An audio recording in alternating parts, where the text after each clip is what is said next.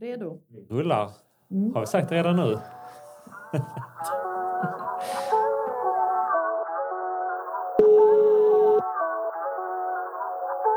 Anders Hedberg. Ja, Maria Pääjärvi. Hej, hej. Hej! Tjena, tjena. Ja, just det. Jag skulle också fixa till min mick här, Anders. Okej. Nu rullar vi.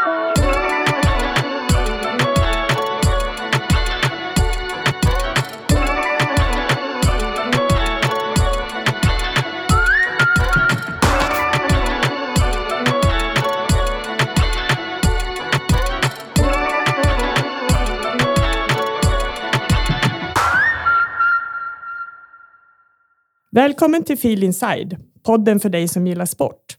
Våra gäster de är profiler inom idrotten som gär- gärna delar med sig av sin karriär, före, under och efter, samt lite annat smått och gott. Jag heter Maria Pääjärvi och vid min sida så finns ju såklart Jesper Landby som tekniker. Är du redo Jesper? Jajamensan. Härligt, då kör vi. Idag vill jag välkomna en stark profil, både nationellt och internationellt inom vårt kära hjärta ishockey. Välkommen Anders Hedberg. Kul att vara med er. Ja, härligt. Du låter på hugget. Ja, jo, men det, det, det är jag faktiskt. Klockan är ju tio på morgonen, så då måste man vara på hugget. Ja, det är bra. Härligt. Då kör vi. Du, jag så, nu får vi börja här. Du har ju en otroligt intressant historia och hur började allting Anders för dig?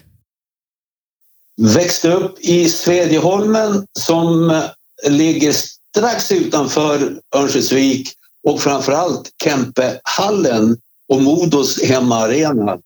Och växte upp, växte du upp där så hade du nog inget alternativ annat än att lira ishockey. Och även på, på våran sida, Moälven, så hade vi alltså en hockeybana och där, där tillbringade jag en massa tid faktiskt och blev så småningom hockeykille. Men var det, var det inomhus då också eller hur fanns det både inomhus och utomhus där uppe?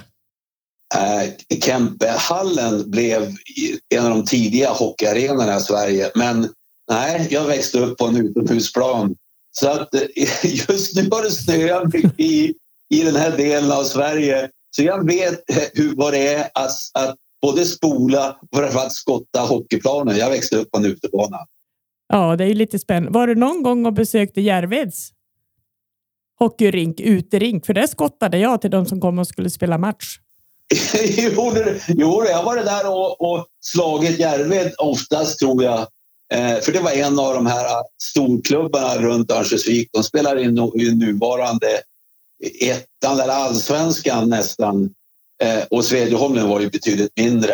Eh, men vi, vi var nog nosa på både Modo och Järved och har spelat många gånger på Getinghov hette den banan tror jag. Jaha, det har jag inte hört, men jag var ju bara liten när jag bodde där uppe. Då. Ja, precis. Mm. Jaha, du började dina dagar där. Var du back eller målvakt eller vad, vad, vad hade du All, för? allting, alla positioner eh, som du kan tänka dig, spelar ingen roll. Antagligen var jag i närheten där pucken var, eller bollen. Fotboll var lika mycket fotboll. Jaha, Eh, var- antagligen i närheten där puck eller bollen var, har jag en känsla av. ja. Vad var dina styrkor då när du började? Och var det att det var roligt eller vad var det som gjorde att du höll på med det där? Fotboll och hockey? Nej, det var, det var säkerligen eh, en kombination av, av den här utmaningen, idrottsliga utmaningen. Det fattar man inte när man är 5, 6, 7, 8, 9, 10, 11 år. Eh, men eh, jag var, jag var eh, rent generellt så var det ju, det var kompisar, vi lirade, det fanns inga datorer, vi var utomhus. Vad gjorde man då? Ja, då höll man på med idrott på en eller annat sätt och för vår del runt då ett, i en explosionsartad fas av hockeyutvecklingen, inte minst i Örnsköldsvik och Nordaskogsområdet. Att lira hockey blev ju eh, hela vintrarna, det var det grejen. Ja. Var dina föräldrar också intresserade av idrott? Min pappa var totalt ointresserad av idrott. Eh, så att där hade vi varken stöd eller motstånd. mamma, mamma var, jag hade en, en bror som var, var tre år äldre än mig hon stötte, vi fick göra vad de här grabbarna än ville göra var, och var intresserade av fick vi stöd av, av vår mor faktiskt på ett eller annat sätt. Jaha, så det var mamman du gick hem och förhandlade med? Ja, det var inte så mycket förhandlingar. Här skötte man sig själv. Jag cyklade, gick, sprang till de här arenorna. Eh, det var ingen skjutsning ifrån föräldrarna rent generellt på något sätt. Och en av hemligheten till, till det här är ju närheten till de här idrotts eh, isbanorna, fotbollsplanerna. Och det är ju hemligheten rent generellt. Det är helt, jag har frågat hundratals riktiga hockeykillar. Varför blev de så att säga, riktiga hockeyspelare? Jo, alla växte upp i en, en riktig närhet till en lekplats. Det vill säga i det här fallet en, en hockey, en is, isbana på något. Det, det behöver inte vara med sarger. Bara en isplätt där du kunde leka, lära sig lira och likadant fotbolls, eh, fotbollsplan helt enkelt. En, en gräs eller grusplan. Ja. Men eh, hur gick det sen då med din karriär? Jag vet ju att du har varit jo, med om väldigt mycket. Jag ska vidare lite grann på det här med närheten till, till, ja. till att växa upp. Ja. Eh, jag pratade med, med Peter Forsbergs pappa som jag känner väl. Han, han var några år äldre än mig och spelade fotboll. Jag lirade säkert fotboll mot honom på säkert när jag växte upp. Mm. Och så sa jag, eh, jag menar, du var ledare. Eh, du var ledare i, i Modo Hockey. Han var ledare då i Modo Hockey där, där Peter lirade som liten grabb och sen fortsatte han. Eh, och så eh, och de, och, ungefär en tre, tre, fyra, tre kilometer ifrån Kempehallen växte han upp. Ja. Och hur mycket tid tillbringar Peter där? Ja. Anders, för fasiken. Peter blev inte lirare. Han blev lirare på Domsjöplanen. Och där var också Andreas Salomonsson och Niklas Sundström som bodde i närområdet. Där blev de spelare. Inte på Kentvallen. De blev det i, i närheten när de växte upp helt enkelt. Ja. En fin eh, och bra, nyttig erfarenhet att, att ta med sig när man lyssnar på dig, Anders. Ja, eh, Stenmark och Anja, vad, vad, vad hade de på bakgården för någonting? Ja, de hade... Eh, de, ja, de hade, de hade backarna i Tärnaby. Var ja. de blev utförsåkare eller skidåkare. Ja. Nej, men det är, det är jätte... Jag, jag vet ju också att jag har levt inom de världen och det var en viktig, viktig del att vi skulle bo nära en ishall. Ja, jag menar i, i, i Skåne där dina grannar växt, växte upp mm. så fanns det inte naturis utan där måste du ju ha en konstfrusen eh, isplätt så att säga. Men du behöver inte ha en, en stor ishall, du behöver en isplätt egentligen. Och i Skåne är det väl konstfrusen som gäller oftast. Ja, numera är det ju bara det nästan. Och, och barn och ungdomarna vill ju gärna ha namn på klubborna och det ska vara varmt och eh, allt möjligt för att de ska gå in och spela. Och gärna korv också i pausen om de är trött. ja, jo, men det är väl i och för sig samhället förändras ju så att det går, kan inte vrida klockan tillbaka. Nej. Men Eh, fortfarande i runt, och inte bara i Sverige, runt om i världen, de som de som blir riktigt, riktigt bra, de får en, en relation till sin sport som är så varm och så, är så genuin. Och den, den klarar alla kriser om du får spela mycket eller för lite eller förlorar eller vinner. Men du tycker det är lika jäkla kul att gå tillbaka till den här lekplatsen nästa dag i alla fall. Det är därför och då man har... nästan, och det har ingenting med, med, med, jo, när du är sex, sju år kanske behöver choklad och mamma som pyssla om det lite grann. Men när du är tio, då är det den här kärleken, den här gemenskapen med din sport som är helt avgörande.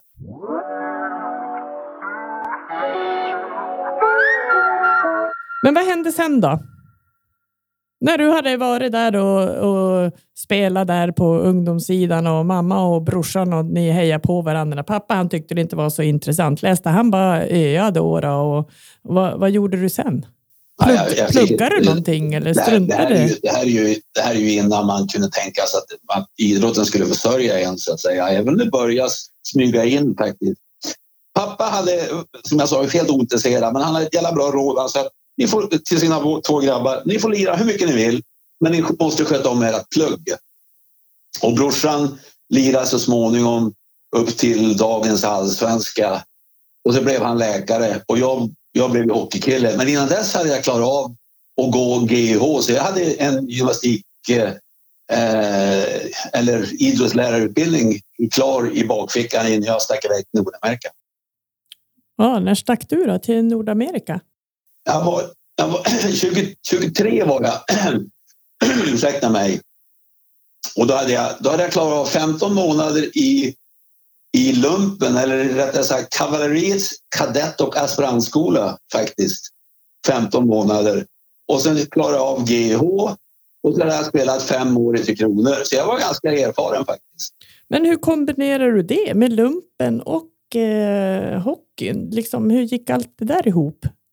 Ja, det vet jag sjutton hur, jag, hur, jag, hur man orkade. Jag hade inga, hade inga fantastiska år som Jag var tillräckligt bra med till kronor, men jag hade inga fantastiska år i motsvarande SHL faktiskt. Eh, och jag, jag, jag, var, jag var dötrött. Eh, eh, det fanns en, en, eh, en fotbolls, engelsk fotboll Premier League hade kommit in och de sände alltid på lördag eftermiddagarna. Och det där tyckte jag var kul att titta på men jag klarade en kvart, sen sov, sov jag resten rakt igenom alla de sändningarna för jag, jag var dötrött. Ja, det kan jag nästan förstå. Men eh, eh, du hade ju träffat eh, Gun-Marie då, eller hur var det med henne? När fångade du upp din fru? Ja, om man... Kom hon inseglandes där när du satt och sov? Var det som tur som jag har eh, att jag, jag, jag träffade alltså den smartaste och snyggaste tjejen i Noraskolan som var gymnasiet och är fortfarande gymnasiet i Örnsköldsvik. Och eh, ja, vi, vi är fortfarande tillsammans. Eh, så att eh, det är väl, det är väl jag hade en jäkla tur. Jag vet inte, hon hade lite otur kanske, men jag hade tur i alla fall. det brukar ju vara ömsesidigt det där, Anders. Ja, så kanske det väl vara efter så, så, så lång relation, precis. Ja, eh, ni har några barn och du hade tre barn, va? Vi har tre barn, eh, alla födda i New York. Mm -hmm. Nu är de ju vuxna eh, och alla med egna barn, så vi har sex barnbarn, den sjunde på väg. Eh, och eh, två av barnen och barnbarnen bor runt Stockholm och den tredje bor i Kalmar. Mm. Vad heter dina barn då? Mattias som är äldst, han som bor i Kalmar. Hanna som är där, däremellan eh, och Johan som bor... Eh, är, och det är två års skillnad mellan dem helt enkelt. Ja.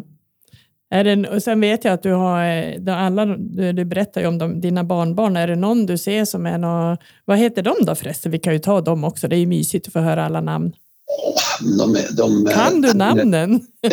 jo, jag går från äldsta, äldsta Elvin, eh, Elliot, Jonathan, eh, Wilmer, eh, Olivia och Lukas.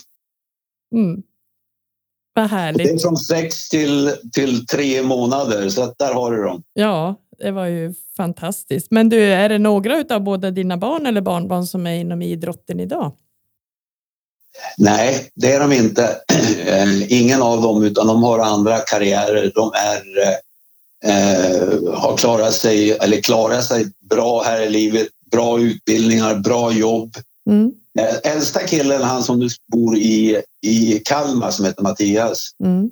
han lirade faktiskt hockey fram till han var 24 kanske i Partille, eh, Mölndal samtidigt som han pluggade teknisk eh, fysik på Chalmers. Så jag otroligt imponerad av honom att kunna balansera då fem, sex dagar i veckan och lira som de gjorde på, på, även på den nivån och plugga samtidigt. Mycket bra gjort. Ja, det är det Imponerande. Det, det jag, jag skulle vilja peta in en fråga där och om han nu var ändå på den nivån och pluggade och så hade han Hedberg på ryggen.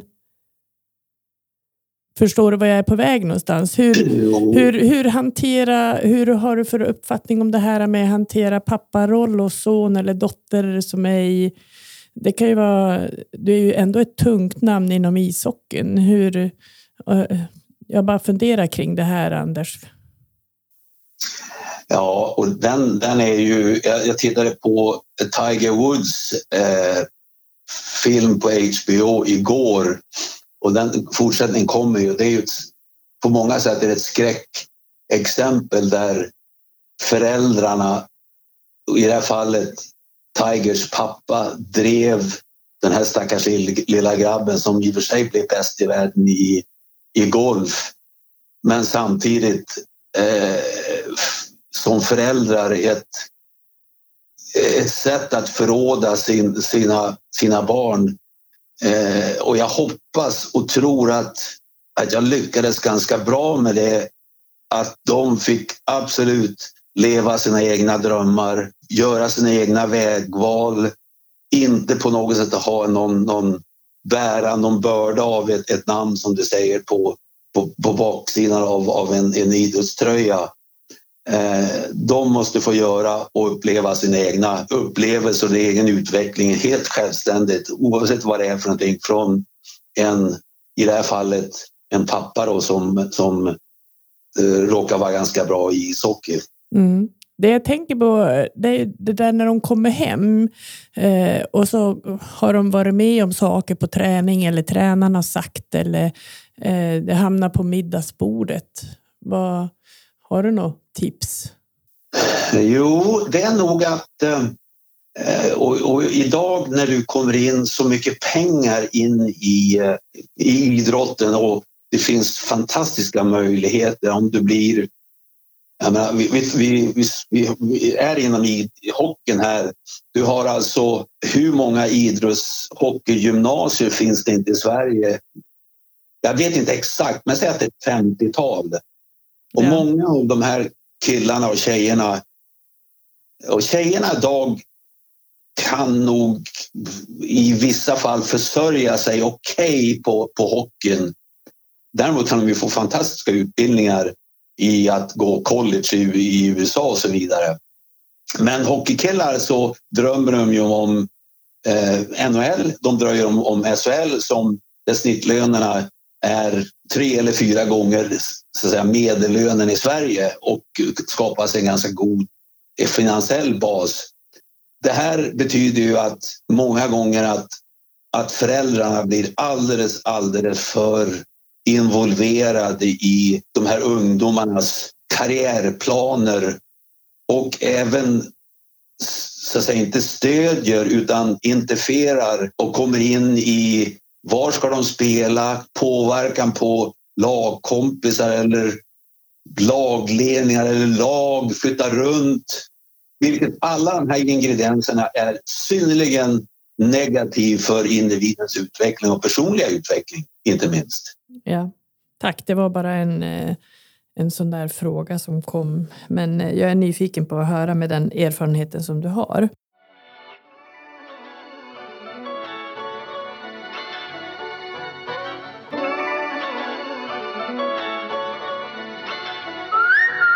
Men nu tänker jag att vi hoppar vidare i din karriär, för du har ju en alldeles synnerligen intressant karriär. Du flyttade till New York, Rangers.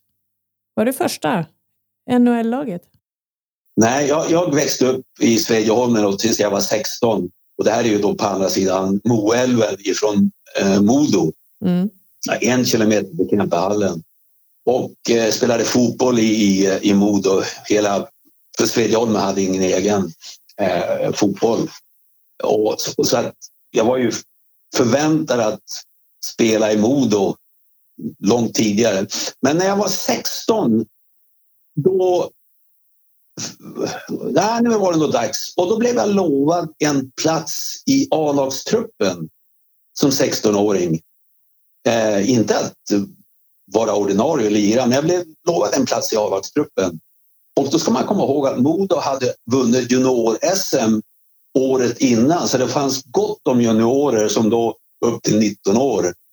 Eh, men då gick jag över och på något sätt antingen hade jag tur eller också var jag ganska bra. Och jag visste att jag var lovande för jag hade ju koll på alla runt omkring. Mm.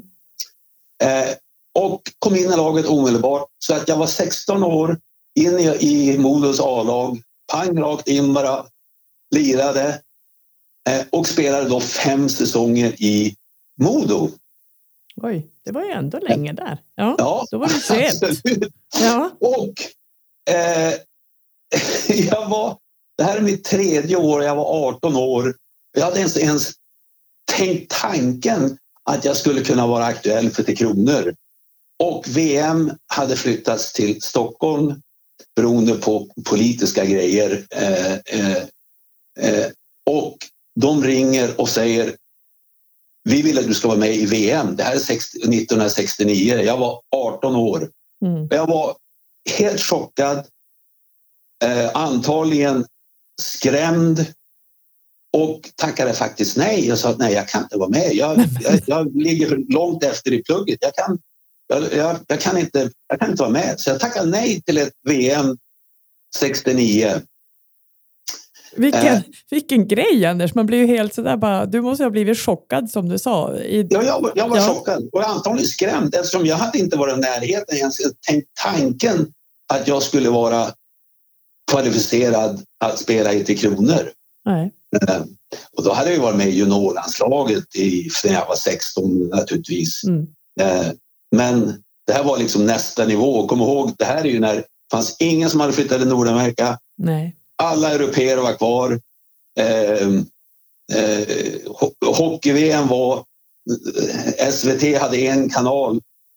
Eh, Hockey-VM var en av de absolut största sporthändelserna på året, även massmedialt i Sverige.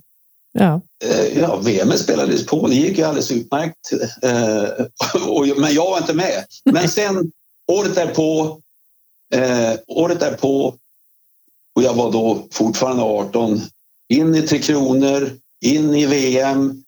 Ehm, det fanns inget junior-VM, ehm, men det fanns junior-EM. Och jag blev då utnämnd till bäste forward i det här junior-EM så i dagens värld skulle jag då ha varit ett, en high draft choice kan man väl uttrycka det som. Ehm. Då hade, du gå, hade du gått som nummer ett då? Nej, nej det, vet, det tror jag inte. Det vet man ju inte förresten. Men jag hade varit en high draft choice i alla fall. Det kan man uttrycka det som. Ja.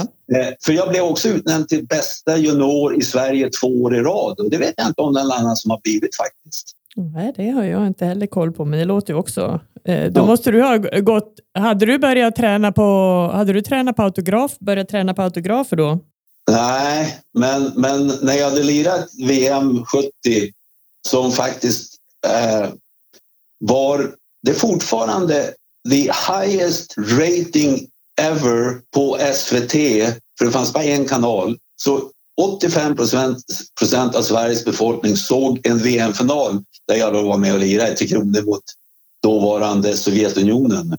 Mm. Det var en hel del, det fanns ju inte sociala medier och e-mail men, men jag hade en ganska hög, stor sändes av brev.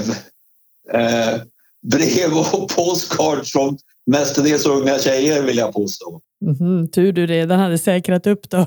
Ja, precis. Exakt. Ja. ja, hon visste vad hon ville ha, Gun-Marie. Ja, precis. Ja. precis. Jaha, det var, ju, det var ju ett fantastiskt äventyr. Jo, och sen då eh, gick jag GH. För jag kommer ihåg jag var tvungen att skaffa ett jobb eller ett yrke. För det, det här kunde ju inte försörja, även om det, best, det fanns ju vissa killar då. Lill, eh, en, en kille som heter Lill-Stirma Svedberg som var i, i, i Timrå, han växte upp i Timrå. Men skämtet var, nu lirade han i Mora. Att, att ungefär eh, skämtet runt ja, Tre Kronor eller Mo, eh, Mora har inga pengar, men de har stigit strimma. Så att, eh,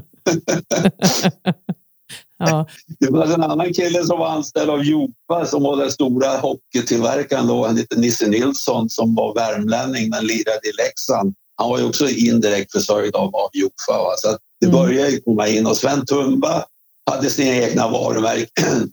Så att hockeyn började ju delvis kunna försörja killarna. Men vi tränade bara på, på, på, på, på sena eftermiddagar li- tränade vi eh, och spelade. Eh, så de allra, allra flesta gick i plugget eller hade jobb helt enkelt. Ja. Vad hände efter det då? Du var i Modo, GIH, körde stenhårt.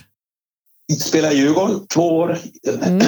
Ehm, och sen när, när det här var avklarat då, då var det dags att åka till Nordamerika och då hade Tommy Bergman en, en, eh, en landslagskompis. Han hade redan stuckit iväg 72 åkte han till Detroit Red Wings och rakt in i laget. Och han och jag satt på det VMet och funderade tillsammans med Allan Igelsen om det här med att flytta. Och jag skulle då börja GIH. Nej, jag var inte redo. Jag skulle måste fixa mitt plugg eller en utbildning. Det hade ju Och pappa var sagt. redan, han var ingenjör faktiskt, Jaha. men han var äldre än mig. Mm. Så han stack iväg. Året därefter, eh, 73, så åkte Börje och Inga Hammarström till Toronto. Mm. Så att eh, liksom, det hade börjat helt enkelt. Och sen var det, när jag var klar med plugget så var det inget snack. Då, då, då var det dags för oss att sticka iväg. Mm. Det var ju ändå, då fanns ju inget internet eller något sånt där och det var ju ganska långt. Det känns ju som en otroligt... eh, Eh, innan man tar det beslutet, liksom, att, jag, att jag åker. Nej, då var jag, då var jag mogen. Så att Då var säga. du jag redo. Var klar. Jag var Mm. klar. Mm. Jag var nog... Då hade det gått bra för alla de här svenskarna då som hade åkt över. Det var ju mina kompisar och jag kände dem väl. Så att i grunden, bara, ja, fixar de det så ska jag nog greja det här ganska galant också, har jag en känsla av. Så då kom du över. Då kom jag över, precis. Eh, orsaken blev Winnipeg som då inte var i NHL. Det var en, en ganska nystartad liga som hette World Hockey Association.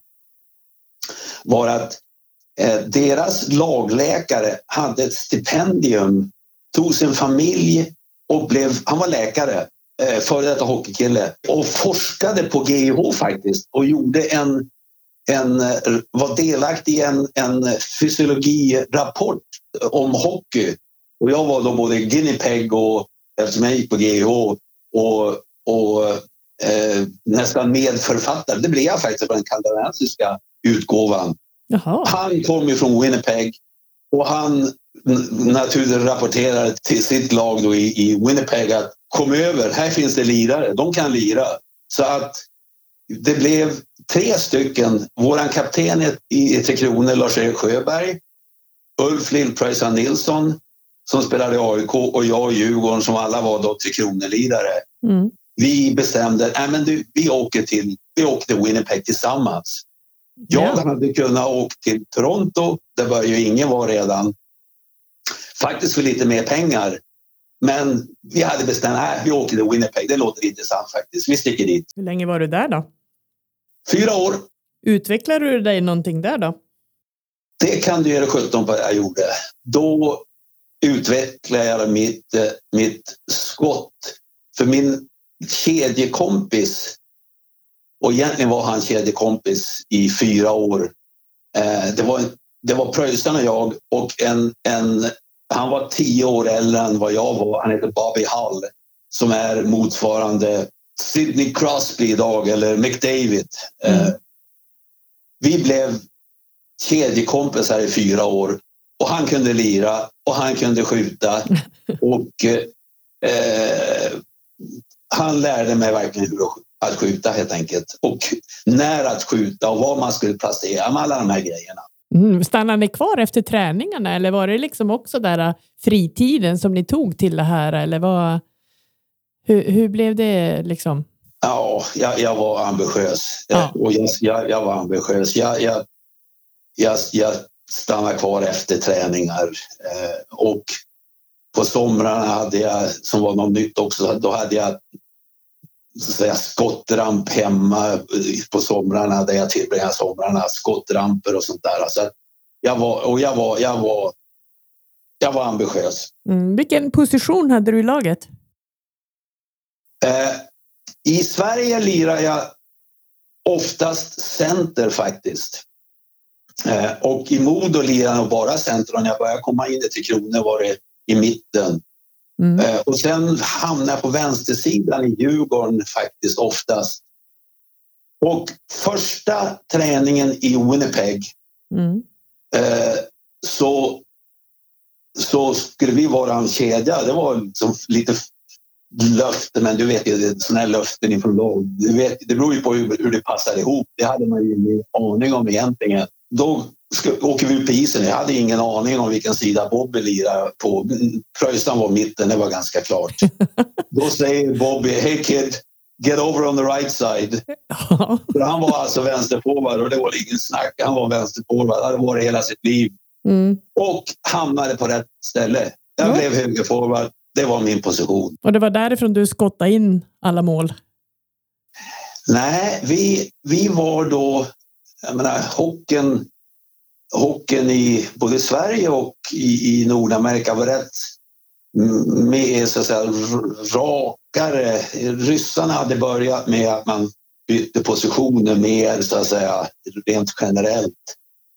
Eh, Men det var det vi nästan införde så att säga en, en ny stil, det vill säga en fördröjning, bytte sidor, växlade sidor, eh, rörde oss över hela banan så att säga. Och Bobby köpte in i det här med hull och hår. Eh, och följden av det här, för det här var ett, en, ja, det var, det var nytt i Kanada faktiskt. Ja. Eh, Glenn Sather som, som eh, sen blev coach, manager och byggde upp Edmonton Oilers med Gretzky och Messi och Kafi och alla de här. Honom lirade vi mot initialt och sen blev han tränare. Och han har då sagt till mig och även offentligt att jo, jag byggde mitt lag efter The Hotline in Winnipeg. The Hotline var, var, var den här kedjan då med, med Bobby, jag själv och, och Pröjsaren. På det sätt som vi rörde oss. Om du då går tillbaka, hur spelade Edmonton? Jo, de spelar inte rakspel. De, f- och inte minst Gretzky. De flyttade sig, fördröjningar, bytte sidor, bytte positioner. Alla de här ingredienserna som, som vi också lirade egentligen. Mm. Så han byggde sitt lag utifrån den filosofin helt enkelt, i Edmonton. Och det gick ju bra. De vann fyra år i rad. Mm, Och, eh, och har man då sådana spelare, men också att man tillåter sådana spelare som Wayne Gretzky, Coffey, eh, Messier, Glenn Anderson, alla de här namnen, att också röra sig fritt så var det ett nyskapande, enormt nyskapande helt enkelt. Mm. Och sen har jag, jag var varit anställd av Glenn vid två olika till, till, tillfällen faktiskt. Ett kortare tid i Edmonton och sen i New York. Så att eh, vår relation eh, har varit från första, när vi anlände och lirade mot honom tills eh, han, han avslutade sin karriär i New York. Var du med då? Nej, när han avslutade sin, sin eh, managerperiod i New York var jag med helt enkelt. Ja, för du sa, eller det jag uppfattade det var att han anställde dig också. Var, Ja, ja, Ja. Han, han, han anställde mig två gånger. En gång en kortare, liten kortare period i Edmonton mm. Eh, och sen anställde han mig på slutet av min karriär och hans karriär också i New York. Eh, Var det i Edmonton som spelare då? Nej, det var ju som Nej, ledare. nej, det är som ledare. Nej, Ja. nej, som ledare. Ja, Nej, precis. Nej, nej, Ja. nej. Eh, snackade ni ihop er om något nytänkande då också? Då? Eller var det, körde ni på i samma veva? Nej, men jag tror man var, vi var nyfikna på, på... I grund och botten så litade vi på varandra och vi såg på hockeyn på, på liknande sätt så att säga. Och han var, han var nyfiken på Europa och, och, och jag var nyfiken på Nordamerika naturligtvis. Och om man då har, går tillbaka i, i grundläggande hur man tycker spelet ska utvecklas och klaras av så finns det så många gemensamma nämnare.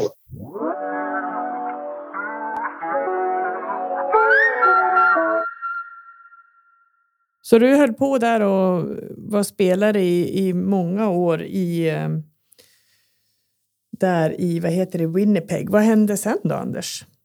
Jo, det här är ju, här är ju en tid när spelarna tillhörde, och draftade, det fanns ingen free agency. Eh, Bobby som kommer från Chicago Blackhawks och hade gått över till Winnipeg då. Han tillhörde fortfarande Chicago. Han kunde inte gå och lira någon annanstans. Han var 30, 30, 36 eller 37 år. Men jag var aldrig draftad, men däremot var jag listad för Toronto Maple Leaf.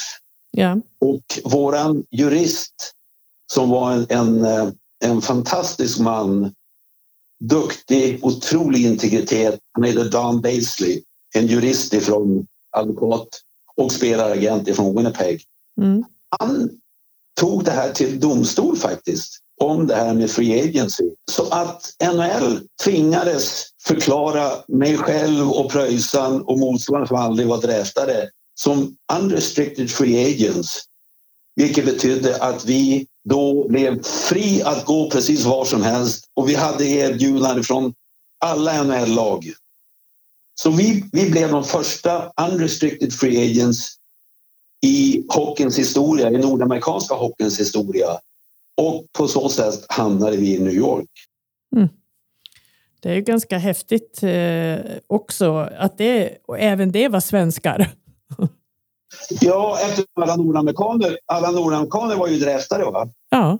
Och vi var inte... Draften kom på plats under tiden vi var i Winnipeg ungefär. Så att ta killar som eh, Thomas Gradin, eh, jag, jag tänker på honom, eh, Kenta Nilsson. Mm. De blev draftade och på så sätt blev de så där knutna ungefär som idag är ju, blir det ju unrestricted free agent om inget annat efter åtta år. Men, men då var du knuten till ditt NHL-lag från du var draftad till du gick i graven egentligen ja, det är helt otroligt. Och sen hamnade ni, ni fortsatte er karriär tillsammans i New York Rangers då? Då, då bestämde Pröjsarn och jag att vi skulle gå tillsammans, samma kontrakt eh, så inga, i, ingen skulle vara betald mer än den andra. Utan, och vi bestämde att vi skulle gå tillsammans. Och som jag sa, vi hade erbjudanden från alla NHL-lag. Då var det inte, det fanns 14 eller 16 NHL-lag. Idag finns det ju 31, 32. Va? Så det var Mm. ungefär hälften. Och vi hade erbjudanden från alla lag egentligen. Oj. Men vi valde, vi stod och dribblade mellan Toronto, New York och Philadelphia och valde till slut New York. Vad var avgörande i det då? Ja, det var nog... Säg två- nu, säg nu sanningen. Jo, det var två orsaker. Ena var ekonomi. De, de var nog det bästa ekonomiska erbjudandet. Men det var också det var också Pröjsarn som sa att om vi ska, om vi ska erövra NHL då är det New York som gäller. För det är massmed, alltså Toronto eller det massmedialt så är det New York eller Toronto som är helt drivande massmedialt. De största städerna helt enkelt. Ja. So if you're to conquer NHL then it's Toronto or New York. Så därför blev det New York. Gjorde ni det då? Erövrade ni NHL? Nej, inte så mycket som vi hade så att säga, förväntat oss kanske. Eh, jag var 28 då och Pröjsarn var 29. Uffe gick sönder. Han var vår bästa spelare första året. Så gick han sönder faktiskt. Mm. Skadad. Så han, man kan säga att efter första året, eller efter 60 matcher första året så var han mer eller mindre skadad. Till och från. Ja. Jag lirade i sju år. Mm. Eh, är fortfarande den europé som har gjort mest poäng i New York faktiskt. Snyggt. Stort grattis säger vi Så härifrån. att, ja, precis. Eh, Zibanejad har nog chans att, att slå mig på fötterna ganska snart här har jag en känsla av. Mm. Eh, Mm. Men nej, vi, vi, vi, och, och, Ray, vi gick till final första året faktiskt. Förlorade Mont- Montreal, eh, Stanley Cup-final. Förlorade Mont- Mont- Montreal. Pröjsarn var skadad, Äsch. tyvärr. Mm. Eh, och förlorade Montreal. Eh, och sen var vi aldrig med i matchen riktigt. Lagets kvalitet gick sakta neråt. Och eh, eh, jag blev då 30 och, och som forward har du ju nått din peak någonstans när du är 20, 25, 26, 27 vill jag påstå. Men jag hängde ju med. Så att när jag slutade, jag var 35 när jag slutade Mhm. och kunde ha fortsatt att lira. Eh, men hade samtidigt erbjudande från, från Rangers, alltså min klubb, att jag kunde flytta in i kontoret, det vill säga bli management. Och någonstans sa nej, det är dags för mig att, att tacka för mig som lirare innan man blir utsparkad. Så att jag, jag valde då själv att avsluta karriären så att säga och hoppa in i kontoret som, som assistant to the general manager. Kom ihåg att det var mycket mindre pengar då också. Eh, Det var inte alls de... Idag skulle, idag skulle någon lirare som mig då, 35-åring, haft ett kontrakt på ja, inte vet jag, 5 miljoner dollar, 6 miljoner dollar, 7 miljoner dollar. Det är, det är ganska svårt att tacka nej till de pengarna. Då var, då var min lön, tror jag, 250 000 dollar, vilket var jättemycket pengar. Mm. Men inte alls i de dimensioner som är idag.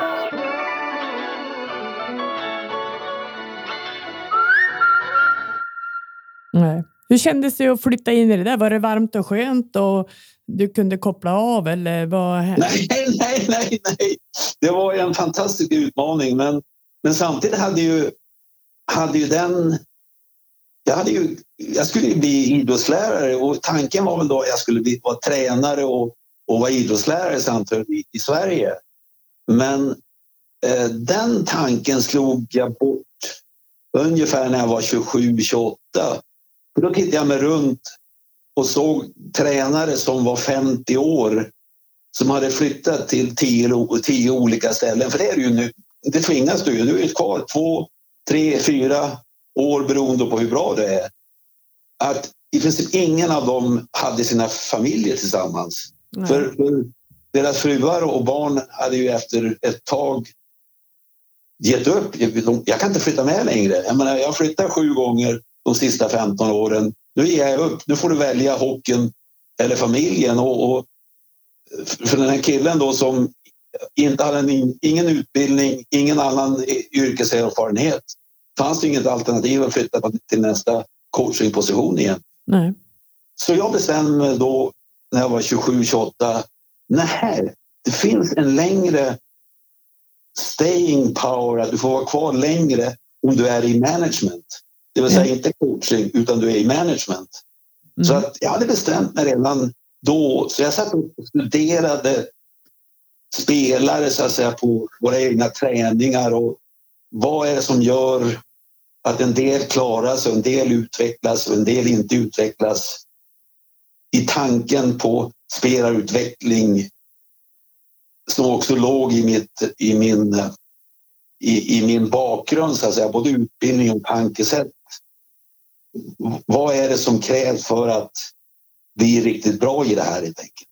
Mm. Som Och, det manager. Mm. Ja, men, och sätta ihop lag. Varför passar, varför passar den här personligheten med en andra personlighet eller en högerskytt med en vänsterskytt? En som är snabb, en som är finurlig. Varför passar vissa karaktäristik så att säga ihop med varandra? Att du sätter ihop ett lag eller sätter ihop en kedja. Eller vad är det för ledarskap du behöver? Alla de här grejerna satt jag funderar på de sista 6, 7, 8 åren när jag lirade. Va? Mhm. Så det var ju rätt intressant för eh, använder ni något verktyg? Men vi, vi här på Fil, Fil Sweden heter ju företaget som, som vi har här. Då. Vi jobbar ju också med olika analysverktyg när vi träffar profiler för att de ska lära känna sig själv lite bättre. Eh, hade, ni no, hade du något verktyg eller var det mest huvudet du satt och klurade? Nej, då, du, nej det var, jag satt ju och klurade faktiskt.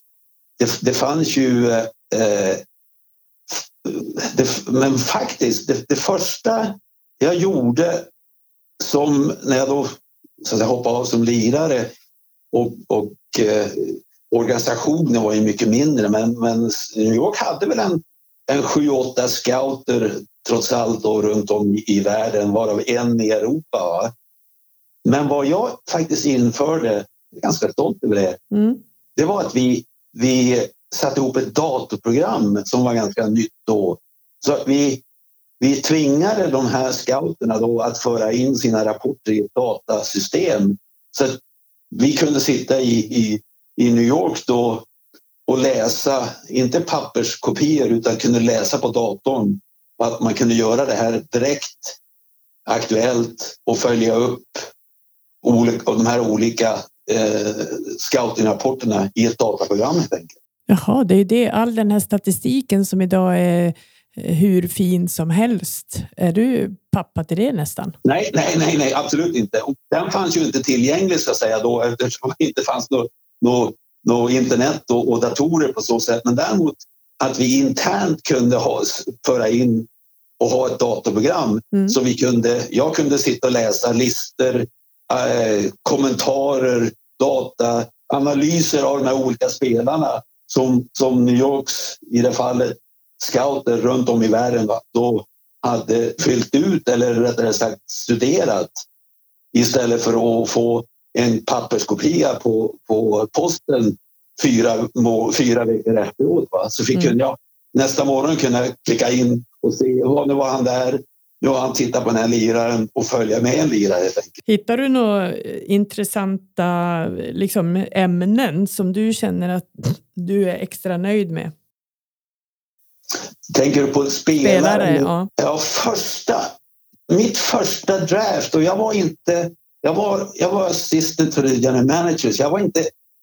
Jag var inte så att säga, chief scout, men jag var ju synnerligen engagerad i draften. Mm.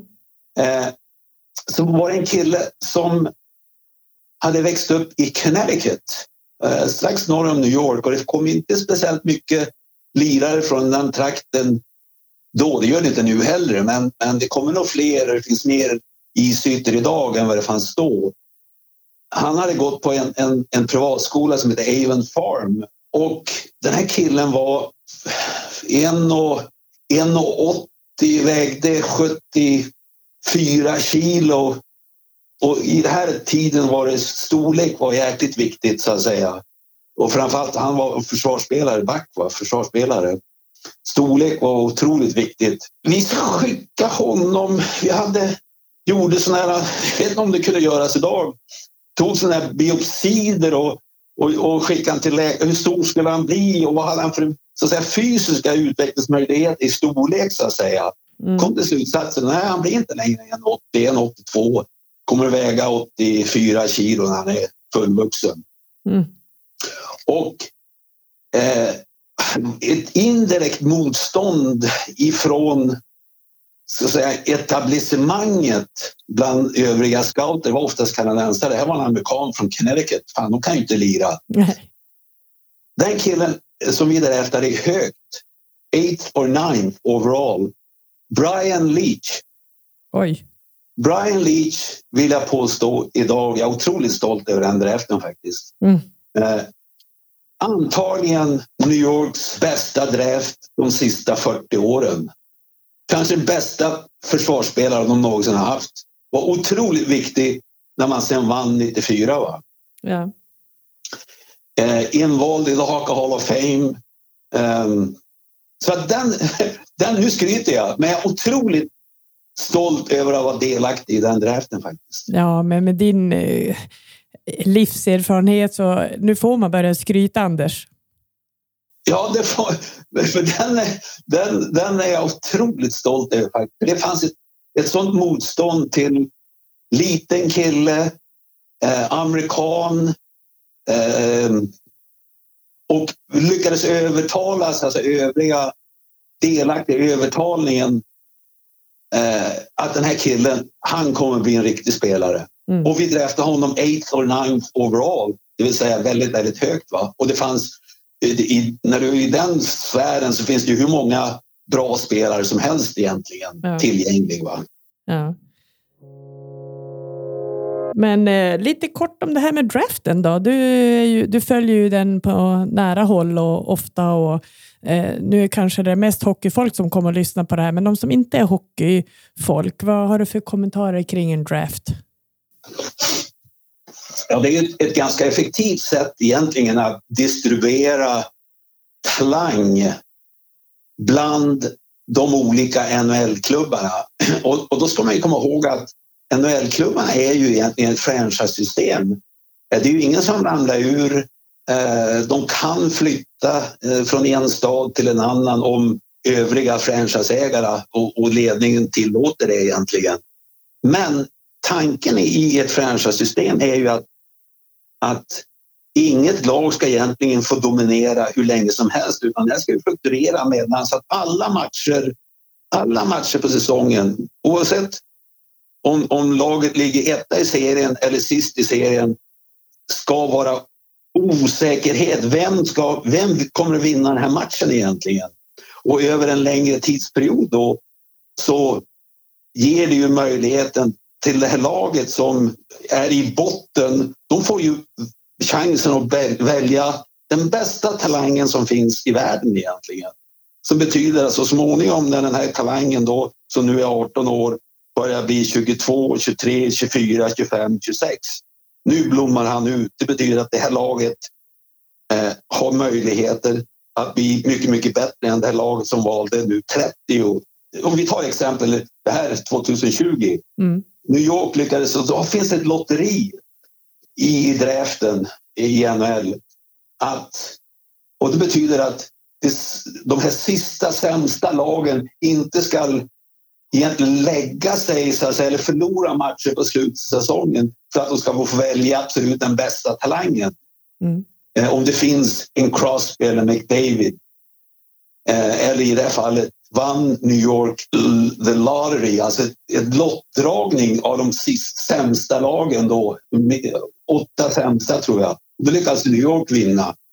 Så de fick första pick. Ja. Och året dessförinnan, så i det här fallet New York, vann också lottery. De fick second pick overall och, och draftade den här finska killen Kakko. Så New York har nu sista två åren draftat den mest lovande och andra mest lovande spelaren födda 2000 eller 2001.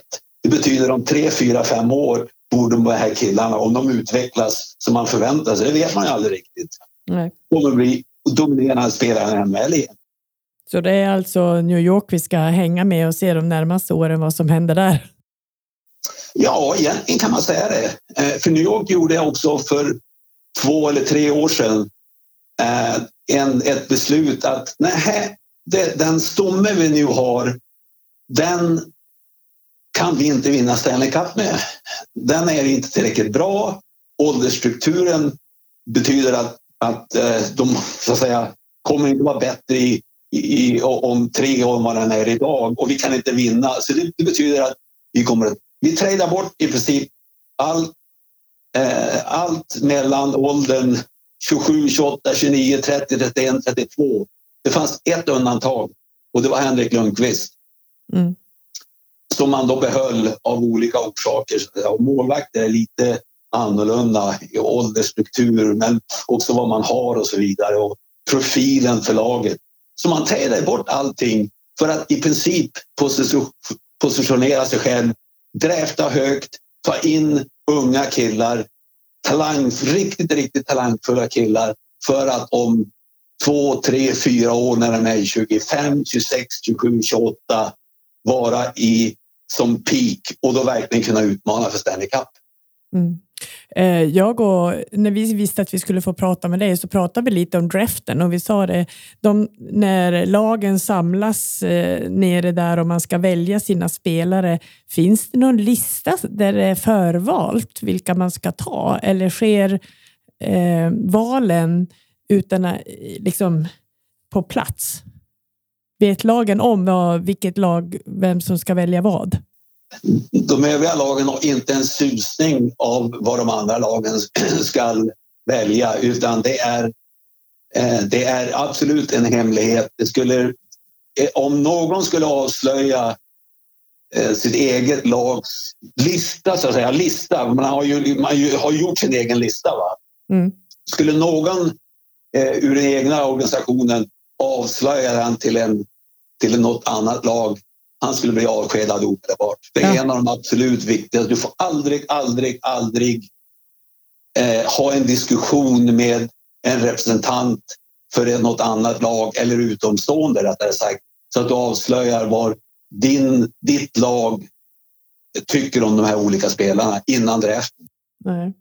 När vi, när, eh, jag har ju haft förmånen att få sitta med eh, som på läktaren. Jag blev alltså inte vald, men jag blev fascinerad över det var ju ganska många som satt där i varje lag. Är man ett 20-tal eller hur många var ni när du var med? Är man 20-25 i staben eller? Nej, och de, den har ju ökat så att säga antalet ska säga, scouter och, och scout i det här fallet är ju, man kallas amateur scouts. Det vill säga man, man, man tittar på spelare som är i åldrarna 18 år, det vill säga första året där, där de kan, kan bli valda. De kan inte bli valda som 17 eller 16-åringar utan de kan bli valda som 18 eller 19-åringar. Och eh, de allra flesta då i den här talangen blir valda som 18-åringar. Och om man tänker sig Eh, Europa eh, som jag sa när, när, när jag var i New York hade vi en Europascout. Idag har de har säkerligen tre amateur scouts som bara tittar då på den här ålderskategorin. Sen har de antagligen en pro scout, en eller två som tittar på äldre spelare, det vill säga spelare som redan har blivit dräftade för att följa dem för eventuella trader eller för de som har, man har missat att, att dräfta som, som 18 och 19-åringar. Då blir de unrestricted free agent, man kan dräfta eller signa dem. Så det är tre i Europa, tre eller fyra i Europa varje lag.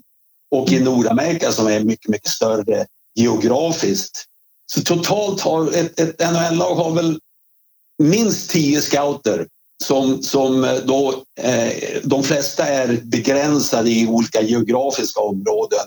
Men sen har du då Chief Scout och några andra som är så att säga, åker hela världen för att följa upp de här olika scouternas rapporter och till slut komma till en, en, eh, en överenskommelse. Hur, hur rankar vi de här olika spelarna? En kille som har, som har vuxit upp i Vancouver som ska jämföras med en kille som har vuxit upp i Örnsköldsvik till exempel. Mm. Mm. Är du också scout? Jag har varit eh, tidvis under, under min icke-spelarkarriär har jag varit scout. Annars har jag då varit i management. Men är du i hockeymanagement, om du är general manager eller, eller i mitt fall assistant general manager eller någonting annat inom hockeyavdelningen så är ju scouting att bedöma talang ett genomgående och, och där kommer ju coach, coacherna kommer ju in i spelarbedömning när de tar ut sitt lag också egentligen. Så allting är ju bedömning av olika spelare. Men scouting i sig själv är ju också en bedömning. Eh, hur kommer den här spelaren i, i ett draft eller i en trade Idag är han 21 år gammal. Hur kommer han se ut när han börjar nå sin peak eller har han redan nått sin peak mm. eh, när han är 25? Eller när han är 25, jaha, nu ska du trada för den här. Men han, är, han är, har redan nått sitt bästa. Han är på väg åt andra hållet.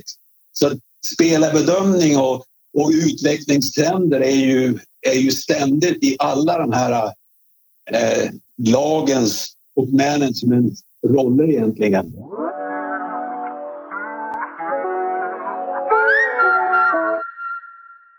Vi hoppar vidare Anders. Du har ju varit där i, länge nu där borta och sen så eh, avslutar du din karriär där borta i New York eh, som assistant manager och sen så åkte du tillbaka till Sverige eller? Ja, då var det dags att åka hem till Sverige. Tog du med dig eh, Gun-Marie då? Ja, naturligtvis. Vad sa hon när hon skulle få åka hem? Ja, Vill inte hon? Det var nog tveksam. Hade vi hade vi haft råd att köpa ett hus efter vattnet i, i New York så hade vi kunnat vara kvar där fortfarande på att säga. Ja. Eh, nu hamnar vi i, i, i, tillbaka till Sverige och jag hade tre erbjudanden till sportchef i Malmö som då spelade i, i, i allsvenskan. Ja. I AIK eller i Modo. Ja. Eh, och nu, nu blev det, det blev AIK och Stockholm. Så jag var egentligen den första anställda sportchefen i Sverige. Innan dess så hade så att säga, rollerna där med värvningar, rekrytering legat någon styrelseledamot eller någon, någon som hade tilldelat de rollerna. Eller coacherna var mycket engagerade i de, de rollerna. Och jag blev anställd som sportchef. Hur, det var väl någon Tornedals, tornedaling som var involverad i det valet eller? Ja, ja, han, eh, eh, ja, det kan man väl säga. Han var, hade vuxit upp i Tornedalen och, eh, och, men inte att jag hamnade i Stockholm. Han höll på att värva mig till, till, till Modo för han var då så att säga, han var eh, skogsdirektör direktör i Modokoncernen och ordförande i hockey. Mm. Tor Erken hette han. Han ja, försökte värva mig till Modo. Va? Eller rekrytera. Det var ju att vi skulle flytta hem, rekrytera mig till Modo. Mm. Men det blev eh, sportchef där i AIK? Ja, och så skulle jag testa. Det var samma i, i, i, eh, i eh, både Malmö och, och i Modo också. Jag var tvungen att testa någonting annat. Jag, jag, så jag ville liksom testa på. Så jag skulle få en utbildning i Modokoncernen i deras marknadsavdelning. Och här i Stockholm jobbar jag faktiskt halvtid på en bank som hette Manufacturers Bank eh, Sweden. Det var egentligen en amerikansk bank. Så jag har varit i banksvängen några år där, del, deltid samtidigt som jag var sportchef AIK. Det är så himla härligt. Det är så mycket som man inte vet, men det är ju fantastiskt att få höra dig. Men... Ja, det var mer, jag ville, måste testa. Ja. Liksom, är hockeyn det som jag ska... Jag kom till slutsatsen snabbt där att nej, 17, det är, det är hockeyn som jag brinner för. Det är mycket roligare än att vara en banker. Jag, satt, jag hade kontor mitt i, på, längst upp på NK-huset. Kul, bra samarbete, bra så att säga, eh, arbetskamrater. Men banking i jämförelse med hockey, det var ett lätt val. Det var mycket roligare att hålla ihop med hockey. Va? Ja, det förstår jag, men du, hade ju, du har valt fina ställen i alla fall. Både New York och Stockholm högst upp NK-huset. ja, det, ja, precis. Jo, det, det, Men Ja, men det jag tänker, liksom, hur, hur tänker du? Eller jag måste bara få fråga om de här bröderna Sedin. Känner du dem? Jag känner dem inte jätteväl. Jag känner deras föräldrar ganska väl ja. eftersom eh, deras mamma är lika gammal som mig. Vi gick gymnasiet samtidigt och pappan eh, lirar jag fotboll emot och hockey tillsammans med pappan när vi växte upp och tidvis emot och han var i juniorlaget och jag var i A-laget. Och, så de känner jag väl faktiskt. Ja, har du något skvaller om dem? Nej. nej Eller någon annan sådär som vi kan nej, nej, nej. lite med. Men däremot, jag menar, det här är ju fantastiska grabbar och fantastiska karriärer. Och, om du ser hur de har skött om sin egen, sin egen karriär. Otroligt målmedvetna. Eh, och inom parentes, det här med skolutbildning. De det är inte så många i, i hockeygymnasiet i Örnsköldsvik som läser natur, det vill säga mer krävande ämnesområden för de allra flesta. Mm. De läser natur. Och sen flyttar de till Nordamerika som 19-20-åringar eh, och, och, och, och hamnar i Vancouver. Aldrig tradad, var där tills det var dags att lägga ner verksamheten, det vill säga att nu, nu är det dags att sluta. De står säkert idag i ungefär som, som jag gjorde, som hade varit borta då i... Vi hade varit borta i 13 år i Nordamerika. Mm. Nio år i samma hus i New York. De har varit ännu längre i Vancouver i den här dragkampen. Var hör vi hemma? Var vill jag bo resten av mitt liv? Ska jag bo i, i Vancouver eller ska jag bo i Sverige, Örnsköldsvik? Eller vad ska jag bo om jag flyttar till Sverige? Ska jag bo i Stockholm eller i Malmö? Och vad ska jag göra med resten av mitt liv? Ekonomiskt så, så är de ju money management, de bara, behöver ju bara ta hand om sina förmögenheter egentligen. Mm. Men att få ett innehåll i sitt liv dribblar de säkert med tillsammans med sina familjer. Och sina barn är, de är ju kanadensare. Mina barn var amerikanare. Ja. Men de är ännu äldre. Så det här är säkert ett, ett, ett, ett rätt komplicerad situation. Angenäm naturligtvis, men ordentliga funderingar. Ja, det är lite intressant det här när man blir en del av samhället i en ny kultur. Eh, när idrotten för med sig den möjligheten men samtidigt det här var hör man hemma? Vad är hemma hemma? Ja, och, eh, och, och där tror jag de dribblar. dribblar och här har du två tvillingar som aldrig har varit ifrån varandra otroligt nära i i, i, i sina beslut antagligen. Eh, eh och om den ena bestämmer sig, för han, han är ju gift med en tjej och den andra är gift med en annan tjej. De har barn ungefär samma åldrar men man kan kanske, fruarna kommer till olika slutsatser att en vill vara kvar i Vancouver, den andra vill åka tillbaka till Sverige. Mm. Men här är ju två tvillingar. Hur skiljer man åt dem egentligen? Mm. Ja, det är kanske... Det skulle vara otroligt intressant att sitta runt ett middagsbord med dem i de här funderingarna faktiskt. Mm. Hur, hur, hur eh, och de har, de har också två, två bröder varav båda de är ingenjörer båda bröderna tror jag. En bor i, i Umeå och en bor i Övik. Och man har sommarställen och sommarstugor, eller sommarställen heter det idag. Va? Mm. Eh, så de har varit tillbaka i Övik. Och tjejerna är från Övik också. Mm. Det skulle vara otroligt intressant att, att lyssna på, sitta runt ett, ett, ett middagsbord med de här, hur de funderar i de här banorna. Ja, vi får väl ta det som ett nästa steg i nästa podd. Men du som har varit med inom idrotten och Eh, hur ser du på svensk idrottsrörelse? Jag måste få ställa dig den frågan. Hur ser du på det Anders? Ja, den, den är fantastisk och den är på många sätt tror jag unik. Det, kan, det kanske finns i, i våra nordiska länder eh, motsvarande. Men just det här möjligheten för i princip alla svenska ungdomar att delta i olika idrottsliga aktiviteter där inte där du bor eller ekonomi egentligen avgör vad du kan delta i utan du får möjlighet att delta i den idrott som, som passar dig egentligen eh, i de allra, allra flesta fall och det är unikt. Annars är det ju ekonomi som kommer in i, i många eh, de här möjligheterna. Eh, idag skrev Johan Esk, i, i, som är kolumn, kolumnist i, i Dagens Nyheter, det här som jag tycker just nu vansinniga att stänga ner isytor, inomhussport i dagens pandemi, det kan jag ha förståelse för, även ungdomsidrott. Men att stänga ner skidspår, utomhus isbanor, ta bort isen och på så sätt, inte, inte bara begränsa, betyder att de här ungdomarna inte får åka, åka skidor eller åka skridskor utomhus. Det är helt vansinnigt.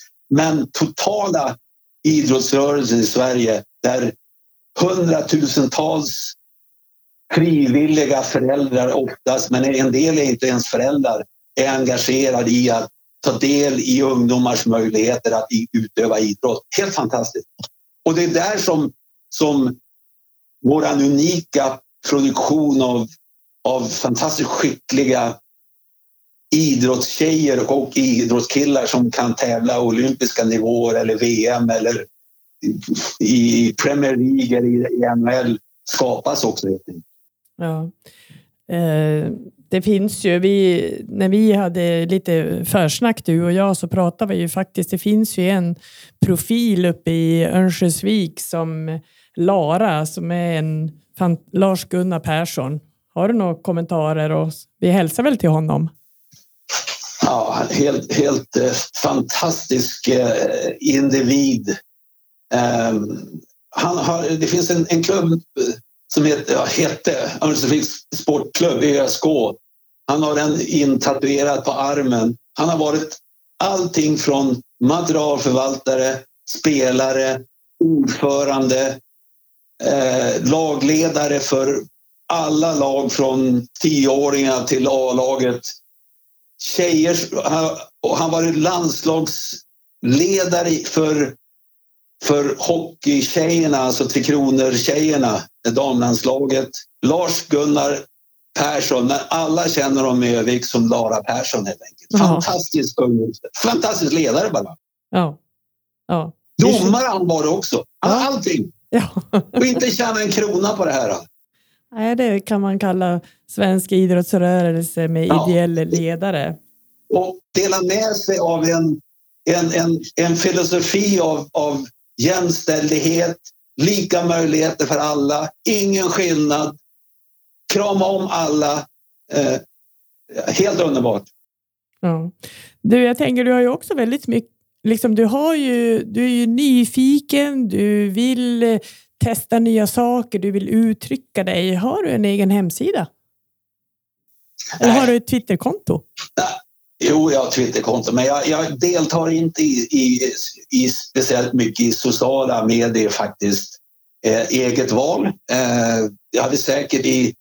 Eh, om jag hade varit eh, hade varit yngre, höll jag på att säga. Jo, om jag hade varit yngre hade jag nog varit mer intresserad att, om det här varumärkesbyggnad. Det har inte varit min grej. Jag, har, jag bestämde mig tidigt att, att jag skulle liksom in i verksamhet och vara exekutiv istället för att leva på ett varumärke som jag hade kunnat gjort faktiskt. Ja.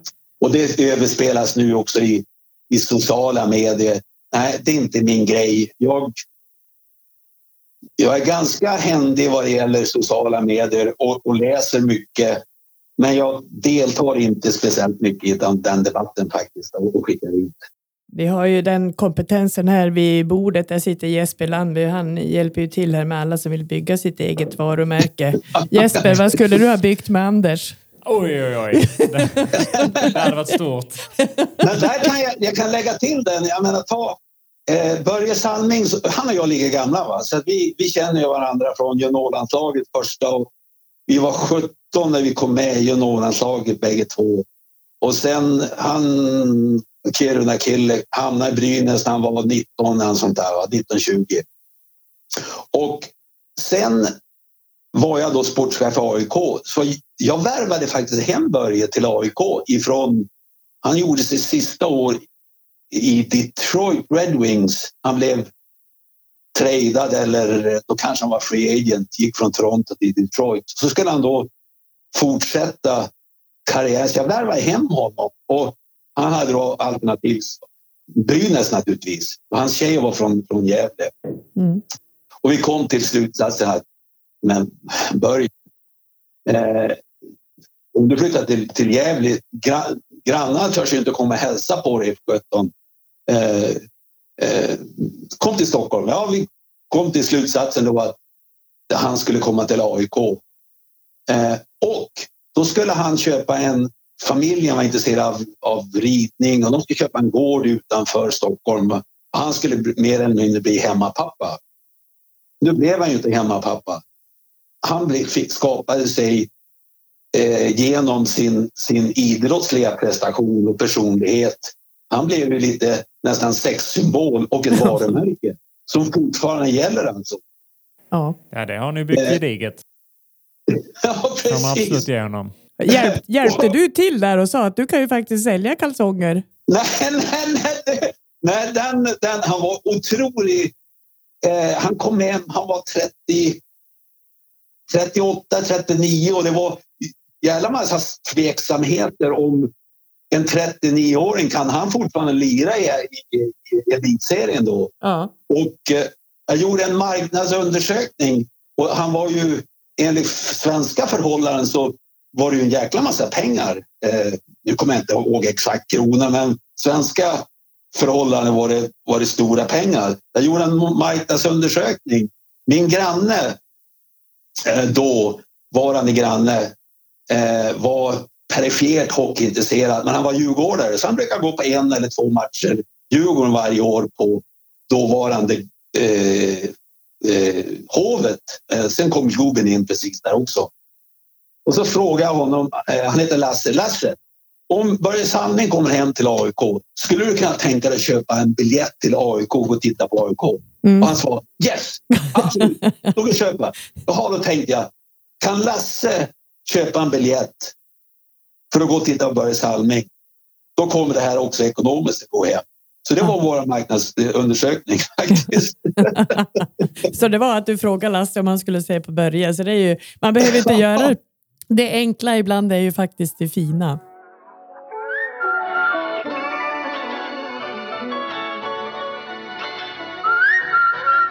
Vi är helt, eh, vilken fantastisk resa du har gjort. ja. Jo, jag, jag måste säga, jag menar, det är ju och, en privilegierad resa, men den har varit, den har varit otroligt spännande och kul och har försörjt mig hela mitt liv egentligen. Ja, men du har ju ändå haft liksom grundläggande val, eh, medvetna, eh, med tanke på längre fram. Vad behöver du göra? Och du har vågat tacka nej också. Och en, jag menar, du, har ju, du har ju två grabbar och de har flyttat runt eh, på många ställen. Och, eh, och en av mina privilegier, precis från, från när jag kom från Svedjeholmen, jag hade ju blivit tillfrågad, kom över, nu ska du komma med till att lira i Modo. Och de var ju de, som jag sa, de hade vunnit SM i junior-SM i hockey. Och jag valde när jag ska vara hemma i Sverige, jag spelade i både A-lag, pojklag, juniorlag, alla de här. Från första gången jag kom till Modo, rakt in i laget. Jag satt aldrig, jag vilade aldrig, jag spelade varje match. Till sista matchen i New York. Jag, var jag frisk så lirade jag. Ja. Jag var aldrig tradad. Jag själv valde alla lag, alla flyttningar gjorde, och gjorde jag helt själv. Och slutade på eget. Och från dag ett till sista dagen, jag var alltid med i laguppställningen. Ja. Fantastiskt. Jag tillsatte inte ett byte. Nej. Jag, jag spelade ungefär som Sedinarna. Mm. De satt aldrig ett byte heller. Nej. De har aldrig blivit tradare. Nej.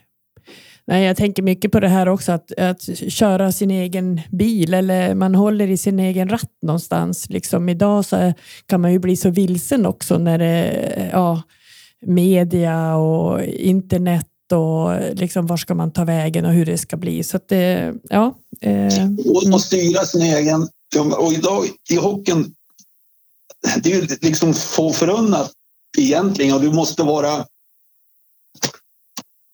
du måste både vara tydlig i din egen i dina egna val. Var vill du spela? Eller är det sista kronan som, som bestämmer var du lirar?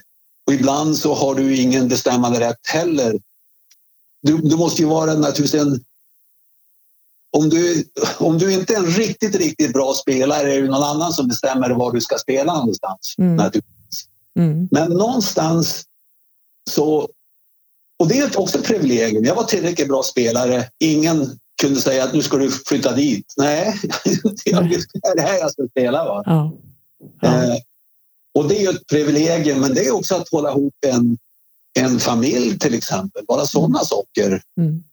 som gör det ju mycket, mycket krångligare om du, om du ska spela från du är 20 till 35 och så har du då en, en, en familj som växer någonstans där. Det borde det vara om du Mm. är i en relation. Mm. Hur håller du ihop de här grejerna när, när pappan i det här fallet måste flytta var, var nionde månad ska han flytta på ett nytt ställe. Mm. Nej, det blir helt, helt tokigt. Ja, det är jättekrångligt alltså. Och det vet man ju inte när man är 17 år, går, 17 år och går på hockeygymnasiet. Det vet man ju ingenting om. Nej, man, man kan ju aldrig förutspå. Liksom. Men just det där att modet, jag tänker på det, modet som du hade att välja dina vägar och att, att våga säga tacka nej till det första landslagsuppdraget som du gjorde och sen att du började titta Det var, på... inte, det var inte så modigt. Jag var skitskraj Ja, men det är ändå på något vis att du vågade en gång. Då vågar man ju en annan gång också titta och ja. Jo, det är ett tecken på självständighet. Absolut, det är det väl. Men du Anders, vi måste ju faktiskt börja sammanfatta lite grann. Vad är det? Vad ska vi ta med oss från idag tillsammans med dig? Det, Det har varit en fantastisk... Det får, du, det får du avgöra. Det har ju bubblat på här hur mycket som helst om, Ja, det är om lite att välja gammal historik. Ja, men vad, vad, om du tittar tillbaka på din fina, fantastiska, innehållsrika karriär. Är det, vad skulle du vilja säga som slutord här till eh, våra lyssnare? Ja, om, om du ska ge dig in i den här branschen eller i någon annan bransch, ett yrkesval och, och så vidare. Se till att du, när du vaknar en morgon, att du ser fram emot att gå till, till jobbet helt enkelt. You, you have to love it. Om du inte verkligen gillar det, gör någonting annat. And I loved hockey. Jag, jag älskar det fortfarande. Ja. sport. Och så härligt. Och jag kom ju på att jag har ju en hälsning till Gunilla, från Gunilla Svensson, Gunilla Turner från ja. Svedjeholmen. Hon hörde ju att du skulle vara med på det här och Maria sa hon, du måste då hälsa till Anders. Han är den mest ödmjuka, finaste person som hon har med sig som ett minne. Det är alla, alla Svedjeholmspojkar är så, tror jag. Du får hälsa henne tillbaka. Vi, ja. träffa, vi har träffats några gånger socialt. Jättefin tjej. Så att, riktig Svedjeholmstjej också. Jättetrevligt. Ja. Tack. Tusen tack Anders. Tack så. Tack. Ha det bra. Ha det bra. Sköt om det. Tack. Hej.